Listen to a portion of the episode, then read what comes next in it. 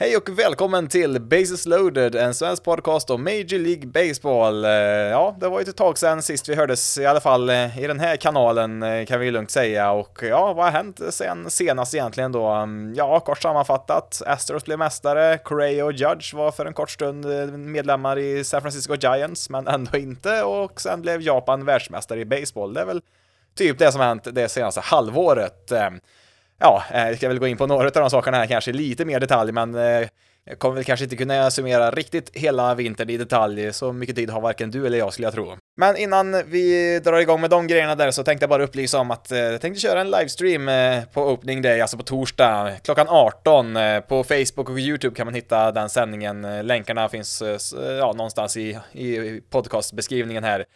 Och eh, ja, helt enkelt eh, eh, ja, lite uppsnack inför säsongen, kolla av läget lite grann, kör en dryg timme där för sen klockan 19 där svensk tid så drar ju de första matcherna igång. Alla lagen spelar ju på torsdagen där, men det är två matcher som som börjar där vid sjutiden svensk tid. Det är väl, nu ska vi se, det är väl Braves mot Nationals tror jag, där om jag inte minns helt fel, och Giants mot Yankees.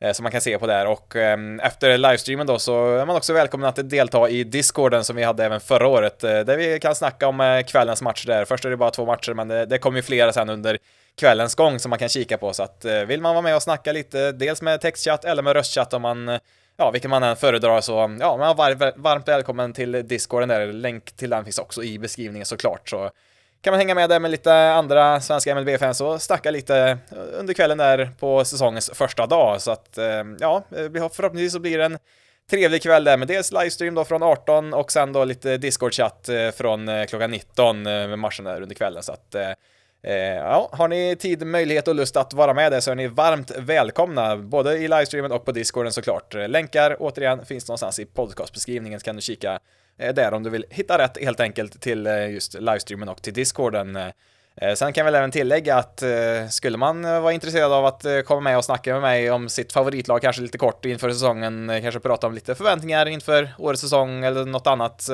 relaterat så ja, då kan ni höra av er till mig så ska jag se om vi kanske kan Eh, fixa in er på något sätt i sändningen. Eh, troligtvis då via Discord skulle jag tro blir lättast att eh, fixa där. Kan man faktiskt även vara med via video om man så önskar. Eh, ja, vill man inte det så kan man ju endast delta med sin ljuva stämma också såklart. Det funkar alldeles utmärkt det också.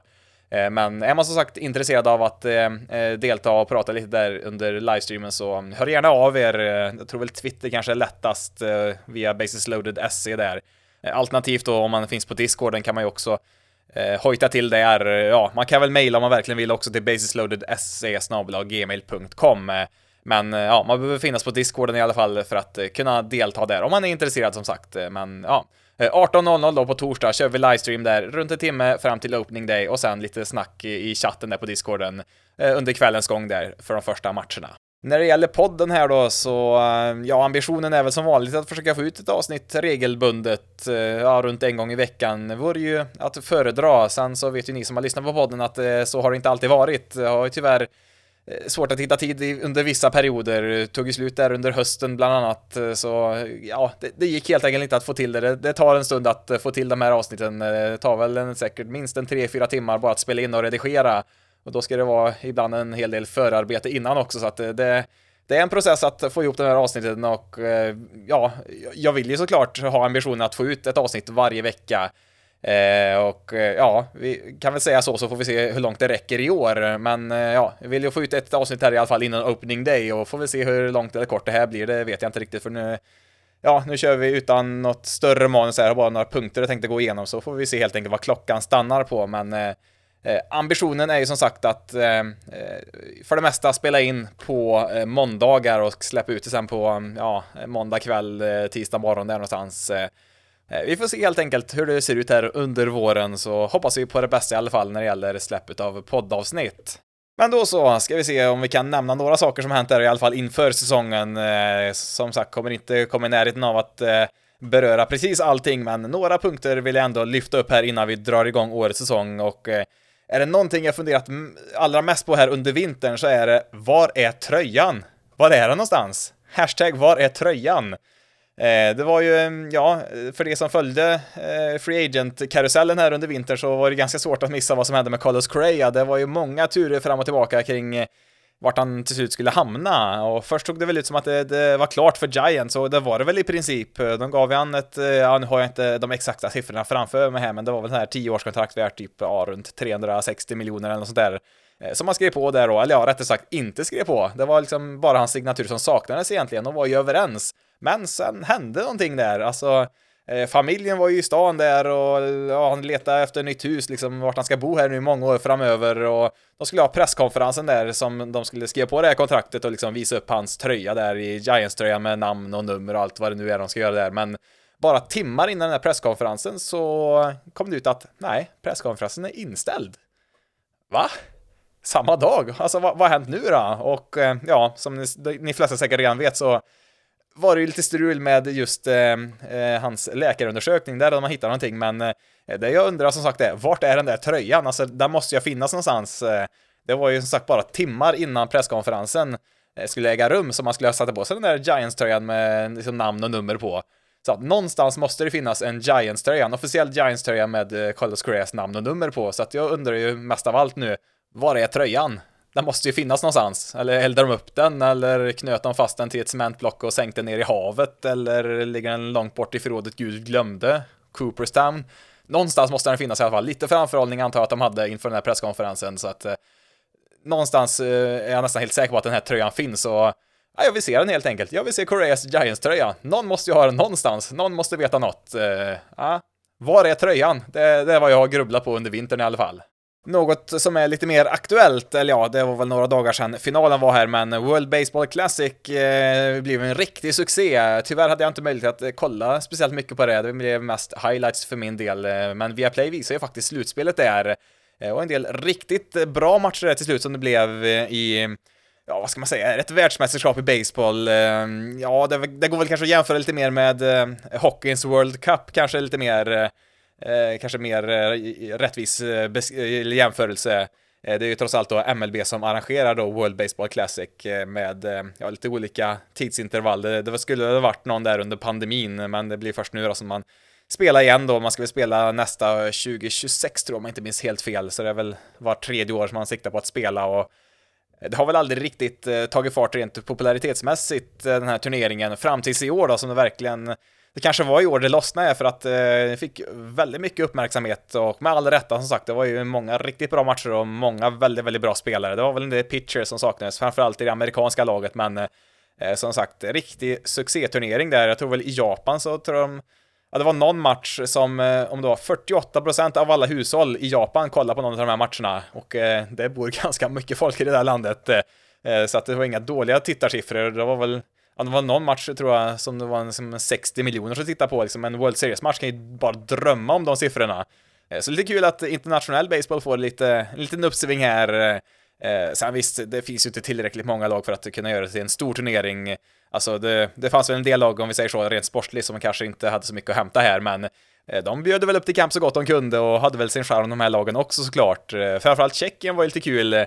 Eh, hade ju en pitcher, eller ja, pitcher, en, en elektriker som ibland spelar lite baseball eh, som uh, ska säga, Andrei Satoria, han strikade ut Otani, gjorde han när de mötte Japan. Det, det kommer han leva på länge, så att bara det känns som att det var en lyckad turnering för Tjeckien, bara att eh, strika ut honom en gång där, så att eh, ja, det, det går väl att hitta guldkorn även bland de här lagen som kanske inte har så mycket att göra här egentligen rent sportligt på planen då, men Eh, Eh, den här turneringen var ju ändå en, en bra byggsten för framtiden och eh, så småningom så har vi väl kanske eh, ja, en hel turnering full med lag som i alla fall är hyggliga, om vi säger så. Det kanske inte kommer att ske redan till nästa turnering, men förr eller senare så kommer det väl bli så och ja, det är väl bara att ladda upp redan nu för nästa turnering då, 2026.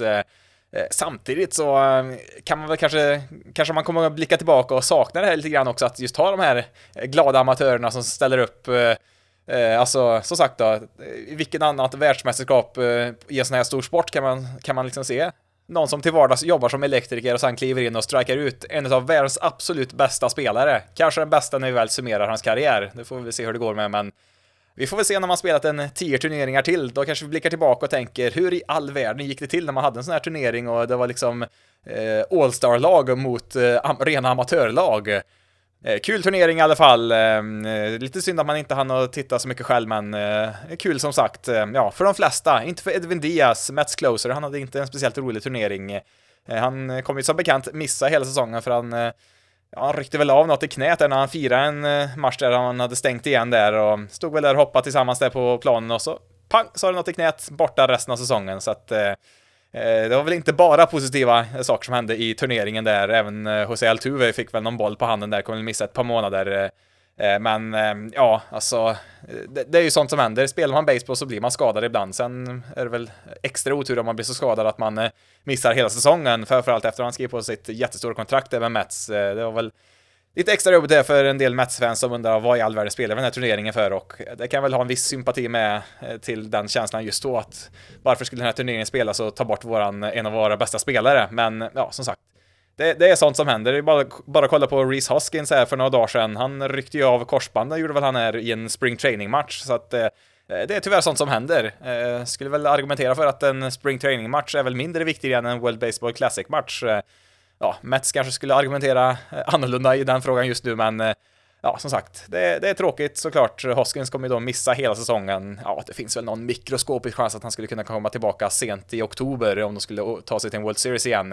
Eh, Schwarber gjorde väl det för ett antal år sedan, men med största sannolikhet så är ju då även Hoskins borta för den här säsongen. Extra tråkigt med tanke på att det här är hans sista år innan han blir free agent, så att eh, det blir väl rehab i år och sen eh, ett ettårskontrakt eh, för 2024 och sen förhoppningsvis då kanske ett lite bättre kontrakt eh, från 2025. Det finns väl Ja, det finns väl aldrig någon bra timing när det gäller skador som avslutar säsonger, men Diaz hade väl lite mer tur i oturen där med tanke på att han då som sagt redan skrivit på sitt monsterkontrakt. Otani's ready. Trout's ready. 3-2. He struck him out! Otani strikes out Trout, and Japan's back on top of the baseball world!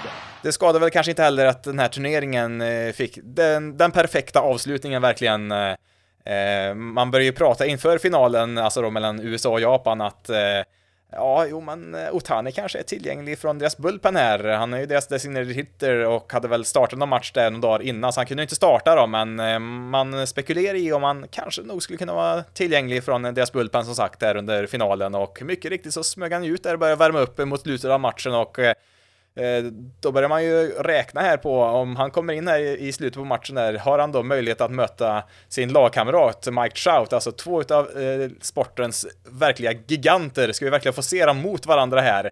Och ja, på något sätt så lyckas man få dem perfekt in mot varandra här i nionde. Det var väl McNeil eh, drog väl en walk och sen slog väl, var det Betts tror jag som slog in i en double play, så att eh, i botten av nionde, 3-2 eh, till Japan, ställningen, två outs. Upp kommer Trout mot lagkamraten Otani och eh, ja, eh, som ni hörde, det var Otani som gick segrande ur den duellen där och eh, tog hem eh, eh, titeln då till Japan. Det, mm, nej, det går ju inte att få bättre avslut egentligen på en sån här turnering. Det kanske inte var den bästa matchen i sin helhet, men alltså att få de här två mot varandra verkligen i den situationen, det ja, som sagt, perfekt avslutning verkligen här och Eh, det finns ju faktiskt de som vill höja upp det här som en av tidernas eh, häftigaste, viktigaste, eh, mest betydelsefulla, vad man nu vill säga, at-bat någonsin. Och ja, ja det, vi behöver nog ha lite mer distans till det innan vi kan kröna det som det är. Det finns väl några andra som brukar dyka upp när man pratar om världens bästa at-bats. Det finns väl någon duell där mellan Eric Gagne och Barry Bonds och även Mariano Rivera mot Miguel Cabrera när han var som bäst där. Finns det, man kan söka på YouTube där, riktiga dueller det också. Sen om baseball har spelats då i 150 år för att leda fram till just det där ögonblicket, eh, ja, det får väl som sagt framtiden utvisa här, men eh, eh det är trots allt ett väldigt viktigt eh, ögonblick i baseballhistorien. För det här kanske är sista gången någonsin vi får se eh, baseball, på den här nivån i alla fall, spelas utan en klocka. Så, ja, vi talar om 150 år av baseball som eh, går in i en ny epok. Eh, man kanske någon gång långt i framtiden kommer visa de här bilderna på på Otani som striker ut Trout och sen berättar att det här var sista gången man spelade baseball utan en eh, klocka på planen. Alltså man spelar ju då utan den här eh, pitchklockan eh, i World Baseball Classic då som man då ska införa i årets MLB-säsong och ja, nu ska vi vara noga här och säga att tekniskt sett så är det inte en pitchklocka, det är en pitch timer enligt MLB. Det är man väldigt noga med att påpeka så att ja, eh, sak samma, men eh, skulle ni någon gång hamna i ett samtal med Rob Manfred så se till att kalla det för en pitch timer, han kanske blir lite sur på er. Hur som helst, man har ju infört då tre stora förändringar inför den här säsongen i MLB. Eller ja, jag skulle väl säga att det är väl en enorm förändring, en ganska stor förändring och en eh, ja, marginell förändring skulle vi kunna säga. Ehm, ja, sen så är det ju en del olika förändringar i förändringarna också. Det är inte så att man ändrar tre saker och sen så var bra där, utan det är, finns ju olika nyanser och detaljer man måste ta hänsyn till inom de här olika förändringarna också. Den största av dem alla är ju såklart då pitch-timern. Inte klocka, timern. Kom ihåg det nu. Eh, och den innebär ju kort och gott att en pitcher måste kasta bollen inom 15 sekunder från att han får den levererad till sig. Annars så får, eh, får han en automatiskt boll emot sig. Eh, det här gäller då om det inte finns några base runners. Har han några base runners på, eh, på någon av baserna där då, så har han 20 sekunder på sig att kasta bollen. Eh, den här klockan gäller ju även slagmän, eller förlåt, timern, inte klocka. Timern gäller även för slagmän. De måste vara redo att slå när det är 8 sekunder kvar på, på, på timern. Kom ihåg, timer, inte glömma bort. är de inte det, ja då får de en automatisk strike emot sig så att både pitcher och slagman måste vara ja, de måste vara redo helt enkelt inom en rimlig tid som man anser att eh, ja, 15 respektive 8 sekunder är då, beroende på om man är pitcher eller slagman. Eh, och ja, det är helt enkelt för att man vill snabba upp spelet och ehm, ja, alltså Ingen har väl slagit sig ner i tv-soffan eller köpt biljett till matchen för att sitta och titta på en pitcher som står och kliar sig lite och håller i bollen en halv minut eh, och gör ingenting till synes, eller en slagman som står där och knäpper om handskarna tre gånger och ja, även han står och kliar sig lite, slår lite med slagträet i backen och ja, nu kanske jag ska kliva in här och nej, nu var det något som kliade på benet här, jag måste kliva ut igen och så väntar vi lite till. Så att det är väl, ja, det, det är väl lite det de vill få bort såklart att, eh, alltså de vill ju, ja, inte nödvändigtvis förkorta matcherna, vilket det här, det, det gör det såklart, eh, men det är mer att de vill att det ska hända saker, det ska inte vara så mycket dödtid mellan varje, varje kast som sker. Eh, och eh, ja, det har de fått bra resultat på i spring training i alla fall. Jag tycker i alla fall att man märker en hel del skillnad på att eh, ja, men det, det är bra tempo liksom. Det är inte så mycket dödtid som sagt och visst, nu har man fått ner matchtiderna också. Har minskat runt 25 minuter per match och återigen, det är inte tiden på matchen som är väl inte det absolut viktigaste. Sen tror jag säkert att man vill minska det lite grann också. Jag tror att förra året var väl en match i snitt strax över tre timmar. Nu har man fått ner det till ja, en 2.35, 2.40 något sånt där. Eh, så att visst, det finns väl en viss poäng i det kanske också, men det är fortfarande nio outs som alla lag måste få. Det är lika mycket baseball som förut, sen det är kanske bara lite bättre tempo. Det, det tycker jag inte någon borde ha något emot egentligen så. Så att eh, jag ställer mig positiv till den här förändringen också och jag tycker att det varit nästan inget gnäll heller bland spelare. Alltså man trodde väl kanske att det fanns en viss risk att oj, nu kommer det bli Eh, nu kommer det bli raseriutbrott efter raseriutbrott för att de inte kastar tillräckligt snabbt här, men eh, nej, det har varit väldigt lugnt verkar det som vad jag har sett. Eh, jag tror väl i början där så var det väl i snitt två gånger per match som eh, någon missade eh, klockan, nej, missade timern. Mycket viktigt. Ja, två gånger per match då som någon missade där och som domaren då dömde ut att det var antingen en bål eller strike där. Och ja, nu på slutet har det bara varit i snitt en gång per match, så att de anpassar sig ganska snabbt, men det verkliga testet blir väl när grundspelet väl börjar, när matcherna eh, räknas på riktigt. Om en match avgörs på att eh, någon pitcher är för sen att eh, kasta bollen, ja, då kanske det blir lite mer, mer diskussioner kring det här. Och framförallt om det händer i en viktig match i slutspelet, då Ja, då sätts ju de här reglerna på prov rejält, det får vi se, men ja, samtidigt, det, det, är, det är samma regler för alla, det är det såklart, men diskussionerna kommer att dyka upp där om det sker utanför spring training. Och jag, jag tror det var bra att, jag tror det till och med var, kan ha varit en av de första matcherna som spelades så avgjordes faktiskt en match på att eh, en slagman inte stod eh, redo när det var åtta sekunder kvar eh, på timern.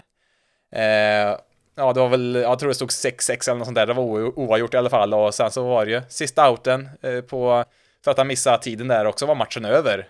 Eh, återigen, det var ju spring training, men det var väl bra att det hände tidigt där för att verkligen illustrera att domarna kommer döma ut det här, alltså missar ni Missar ni tiden där så, ja men då, då blir det så här. Så att eh, de anpassar sig ganska snabbt där får vi ändå säga och eh, tror väl att det ska gå ganska smidigt ändå, men eh, å, återigen, någon match kommer ju förr eller senare när det väl eh, faktiskt gäller kanske avgöras på det här och eh, ja, då får vi nog hålla i hatten där och se, se vart den här diskussionen tar vägen. Men eh, jag ställer mig positiv till den här förändringen i alla fall eh, som är Ja, det måste vara en av de största förändringarna i sporten på, jag vet inte hur många årtionden, alltså Eh, American League införde väl en designated hitter på, ja det var på 70-talet någon gång, men frågan om inte det här är en ännu större förändring för att eh, baseball var ju liksom sporten utan klocka och det är ju fortfarande då eftersom det är bara en timer de har infört här men ja, ni, jag tror ni förstår poängen där.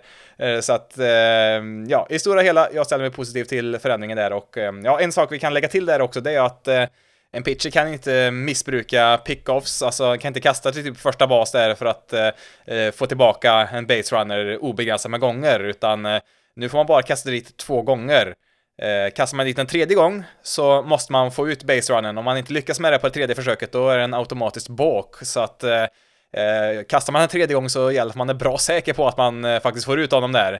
Annars är det som sagt då får ju alla base runners avancera en bas. Eh, så att där har man ju då stängt eh, just det, det, det kryphålet där. Men om vi går vidare då till en, ja ändå en, ja, en förändring som jag ja, jag vet inte, den kanske är en ganska stor förändring. Det, det, är svårt att, det är svårt att veta här nu på förhand, det får vi se när säsongen kommer igång här på riktigt, och det är att man har begränsat vart försvarsspelarna får stå, på ens infield i alla fall. Alltså så kallade shift limits, alltså man får inte ställa spelare riktigt hur man vill längre. Och um, ja, det är ju för att eh, i de flesta fallen när man möter en spelare som, alltså en slagman då, som har, tenderar att eh, slå bollen åt, åt ett visst håll, då har man ju såklart från försvararnas sida ställt extra med spelare på just den sidan för att öka chansen att fånga bollen. Det är ju, ja, det är inte mer än logiskt såklart att försöka göra det, så att eh, kanske, eh, ja, tredje basmannen ställer sig någonstans mellan första och andra bas, eh, samtidigt som att eh, shortstopen kanske kliver in typ någonstans bakom andra baser, så att de står nästan på eh, bara en halva utav eh, planens infield där och täcker liksom den sidan, lämnar hela kanske vänstersidan helt öppen där för att de vet att den här spelaren drar nästan alltid bollen åt det här hållet, så då, då ställer vi oss här då helt enkelt. Eh, och det, ja, framförallt då som sagt, eh, Eh, många vänsterhänta slagmän har ju drabbats väldigt mycket av det här. De drar ju ofta bollen någonstans mellan första och andra bas om de inte kan få upp den i luften då såklart. Eh, och ehm, ja, jag vet bland annat Corey Seager är en sån spelare som slår in väldigt mycket shifts bland annat och ja, det finns många andra också såklart som eventuellt kommer gynnas av det här. Sen kan man ju eh, ja, fortfarande ändra positionen till viss del såklart. Man behöver inte stå precis på en exakt ruta så. Men eh, man kommer inte kunna överbelasta ens infield på samma sätt. Sen måste man stå på gruset också, man får inte stå på gräset länge som infielder, ska man säga. Ehm, man kan ju fortfarande faktiskt plocka in en, eh, ja, en outfielder, alltså säg då att man, ja, säg att Corey Seager står där och ska slå, och man vet att ja, han drar den nästan alltid är mot högersidan mellan första och andra bas. Då skulle man ju faktiskt eh, kunna plocka till exempel en left fielder och ställa på gräset då bakom eh, första, eller mellan första och eh, andra bas där då, för att det täcker upp den här ytan då som eh, man gjorde annars med en infielder. Så att det går ju att göra vissa shifts, det går absolut, men då har man ju å andra sidan bara två outfielders där som kan täcka ganska stor yta då. Så att eh, det går fortfarande att flytta om spelarna på lite kreativa sätt och så, men eh, man har vissa begränsningar där i alla fall som gör att eh, kanske det kommer smita igenom lite mer bollar från, från lagens infield och ja, det är väl en regel som jag jag vill se det under en hel säsong först innan jag kan ha en riktig åsikt om det. Alltså, på ett sätt kan jag tycka att eh, man borde få ställa spelarna vart man vill. Alltså visst, en pitcher måste stå när han står och catchen är väl bra om man sitter där bak, men i övrigt tycker jag att vill du ha, vill du ha fem outfielders, ja men ha det då. Eh, kan jag tycka, men ja, jag vill se det i in action så att säga först eh, under, under grundspelet eh, innan jag har någon riktig åsikt om det så.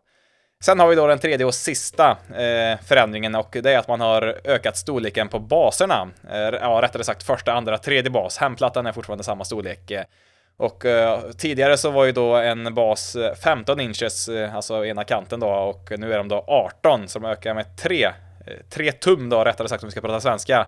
Det är väl en så här 7,5-8 centimeter och sånt där, så att det inte de är inte enormt mycket större, men eh, lite skillnad kan det nog göra. Alltså eh, avståndet mellan eh, Ja, till exempel då hemplattan till eh, baserna är, ja det är också 3 tums skillnad där, så att det är lite centimeter ändå och eh, sen är faktiskt avståndet mellan första, andra, tredje bas är nu eh, 4,5 tum mindre än förut. Det är ändå lite över en decimeter i alla fall och det, det är ju någonting i alla fall. Alltså kollar man på repriserna och kollar om de var ute eller inte precis på millimetern där så Eh, ja, har man några extra centimeter att eh, leka med där så absolut, då kanske man kan eh, plocka lite fler stolen bases där och de är lite större också så kanske det är lite lättare att hålla sig kvar på dem också då, när man kommer i full fart där och en del liksom glider över dem och sen blir taggade liksom så Ja, det kan säkert göra någon liten skillnad. Hur mycket? Åt, återigen svårt att säga. Jag behöver nog se hela säsongen där innan vi vet helt säkert på hur, hur eh, stor skillnad det gör. Och eh, det här är ju i och för sig då, kombinerat med att en pitcher inte får göra hur många pickoffs som helst eh, gör ju att spelare kanske kommer ha mer chanser att faktiskt sticka iväg. För att har man har pitchen kastat två gånger, två två pickoffs, ja, då kan man nog ta en ganska stor ja, ett stort försprång mot nästa bas där, för en pitcher kommer ju inte kasta en tredje gång om man inte är ganska säker på att han kommer få ut baserunnen, för att det är ju som sagt då en bulk om man inte klarar det på tredje. Och ja, det är ju då för varje ett bat, alltså du får inte två försök på hela matchen, utan det är varje ett bat som du har två försök gratis som man säger, och sen tredje då per ett bat så måste du som sagt eh, ta baserunnen då om du inte ska få en bulk emot dig, så att Eh, Eh, det är väl eh, de här reglerna eh, kombinerat med varandra ska väl leda till dels mer action i matcherna som blir lite kortare och mer stolen bases är väl också någonting som man efterfrågat i dagens spel. Alltså jämfört med 80-talet så är det ju nästan inga stolen bases alls. Alltså när Ricky Henderson och gänget är härja så de kunde ju plocka en 100 per säsong. Ja, nu var han kanske ett specialfall såklart, men idag är det väl knappast någon som kommer över 40 ens. Så att det är väl också ett försök där att ja, helt enkelt, mer stolen bases vill man ju få fram och eh, ja, någon effekt bör det väl ha här. Så att eh, jag skulle vilja säga så här, överlag så är väl jag ganska ja, men ganska positivt inställd till de här, måste jag ändå säga. Så vissa får man vara ödmjuk och erkänna att man har fel om det visar sig att det inte blir något bra, men eh, på förhand där så, ja, men jag tror på det här och får jag ändå, mm, alltså MLB sköter väl inte alla saker så snyggt alltid, men får ändå ge en tummen upp här för en annars så konservativ sport att ändå eller ja, sport, en organisation inom en sport att eh, göra så här väldigt stora förändringar på en och samma gång. Eh, det hade jag inte trott bara för några eh, par, tre år sedan att man skulle våga göra, men eh, nej, nu tar man ju faktiskt tag i saken här och försöker ja, men ta sporten egentligen mot eh, eh ja, mot hur man egentligen vill att spelet ska se ut. Alltså, eh, det är inte något nytt egentligen, det här spelet som man vill få fram. Det är ju liksom eh, mer, mer ett spel som man kanske såg mer på 70 80-talet det är liksom mer den estetiken man vill se på planen, mer stolen bases som sagt, eh, mer, mer bollar i spel och så vidare. Så att eh, det, det, det, är väl snarare så att man försöker gå tillbaka till hur spelet såg ut förr i tiden. Sen behöver man kanske nya regler för att anpassa det till dagens spel, absolut. Så att eh, eh återigen, jag är, jag är positivt inställd till det här och eh, får ändå som sagt eh, ge MLB beröm att man faktiskt vågar ta det här steget för att eh, det har nog inte varit helt lätt att faktiskt eh, eh, ta det här steget som sagt för att det är en väldigt konservativ sport i vanliga fall så att eh, eh, ja, nej, jag ser fram emot det här med spänning och se hur det faktiskt ser ut under säsongen och eh, ja, då återstår väl bara att se hur det faktiskt fungerar när säsongen väl drar igång här på torsdag. Då ska vi ta och runda av det här säsongsinledande avsnittet eh, på, på podden här. Hade hoppats att eh, prata om lite free agents här, de stora namnen, vart de hamnat här innan vi avslutar, men som jag nämnde i början av avsnittet, tiden räcker tyvärr inte till alltid, så vi får väl fortsätta den diskussionen kanske på, eh, på torsdag då, på livestreamen där, kanske vi kan ta upp dem istället där. Eh, som sagt, eh, torsdag är opening day, eh, 18.00 livestream, Facebook, YouTube, länkar i beskrivningen på poddavsnittet. Eh, sen har vi då 19.00, samma torsdag, då är vi äntligen igång. Första matcherna drar igång och så har vi konstant spel i sex månader lite drygt innan vi drar igång slutspelet i oktober.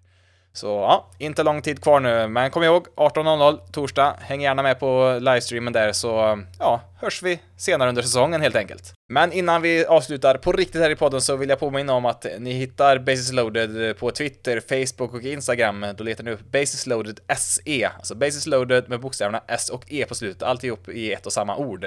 Kan även mejla till basisloadedse.gmail.com. Man får även jättegärna sätta betyg och skriva omdömen om den här podcasten i sin podcastapp. Eh, det gör nämligen att det blir lättare för andra att eh, snubbla över den här podcasten då man dyker upp eh, lättare på olika listor som finns lite här och där. Så att har ni tid, lust och möjlighet att sätta betyg på podden så är jag jättetacksam om ni har tid att göra det. Men nu har jag pratat tillräckligt för idag. Mitt namn är Jonathan Fabri. Tack så jättemycket för att du har valt att lyssna på detta avsnitt av Basis loaded. Ni får det så bra där ute, så hörs vi dels på torsdag på livestreamen och förhoppningsvis i ett poddavsnitt även nästa vecka. Hej då!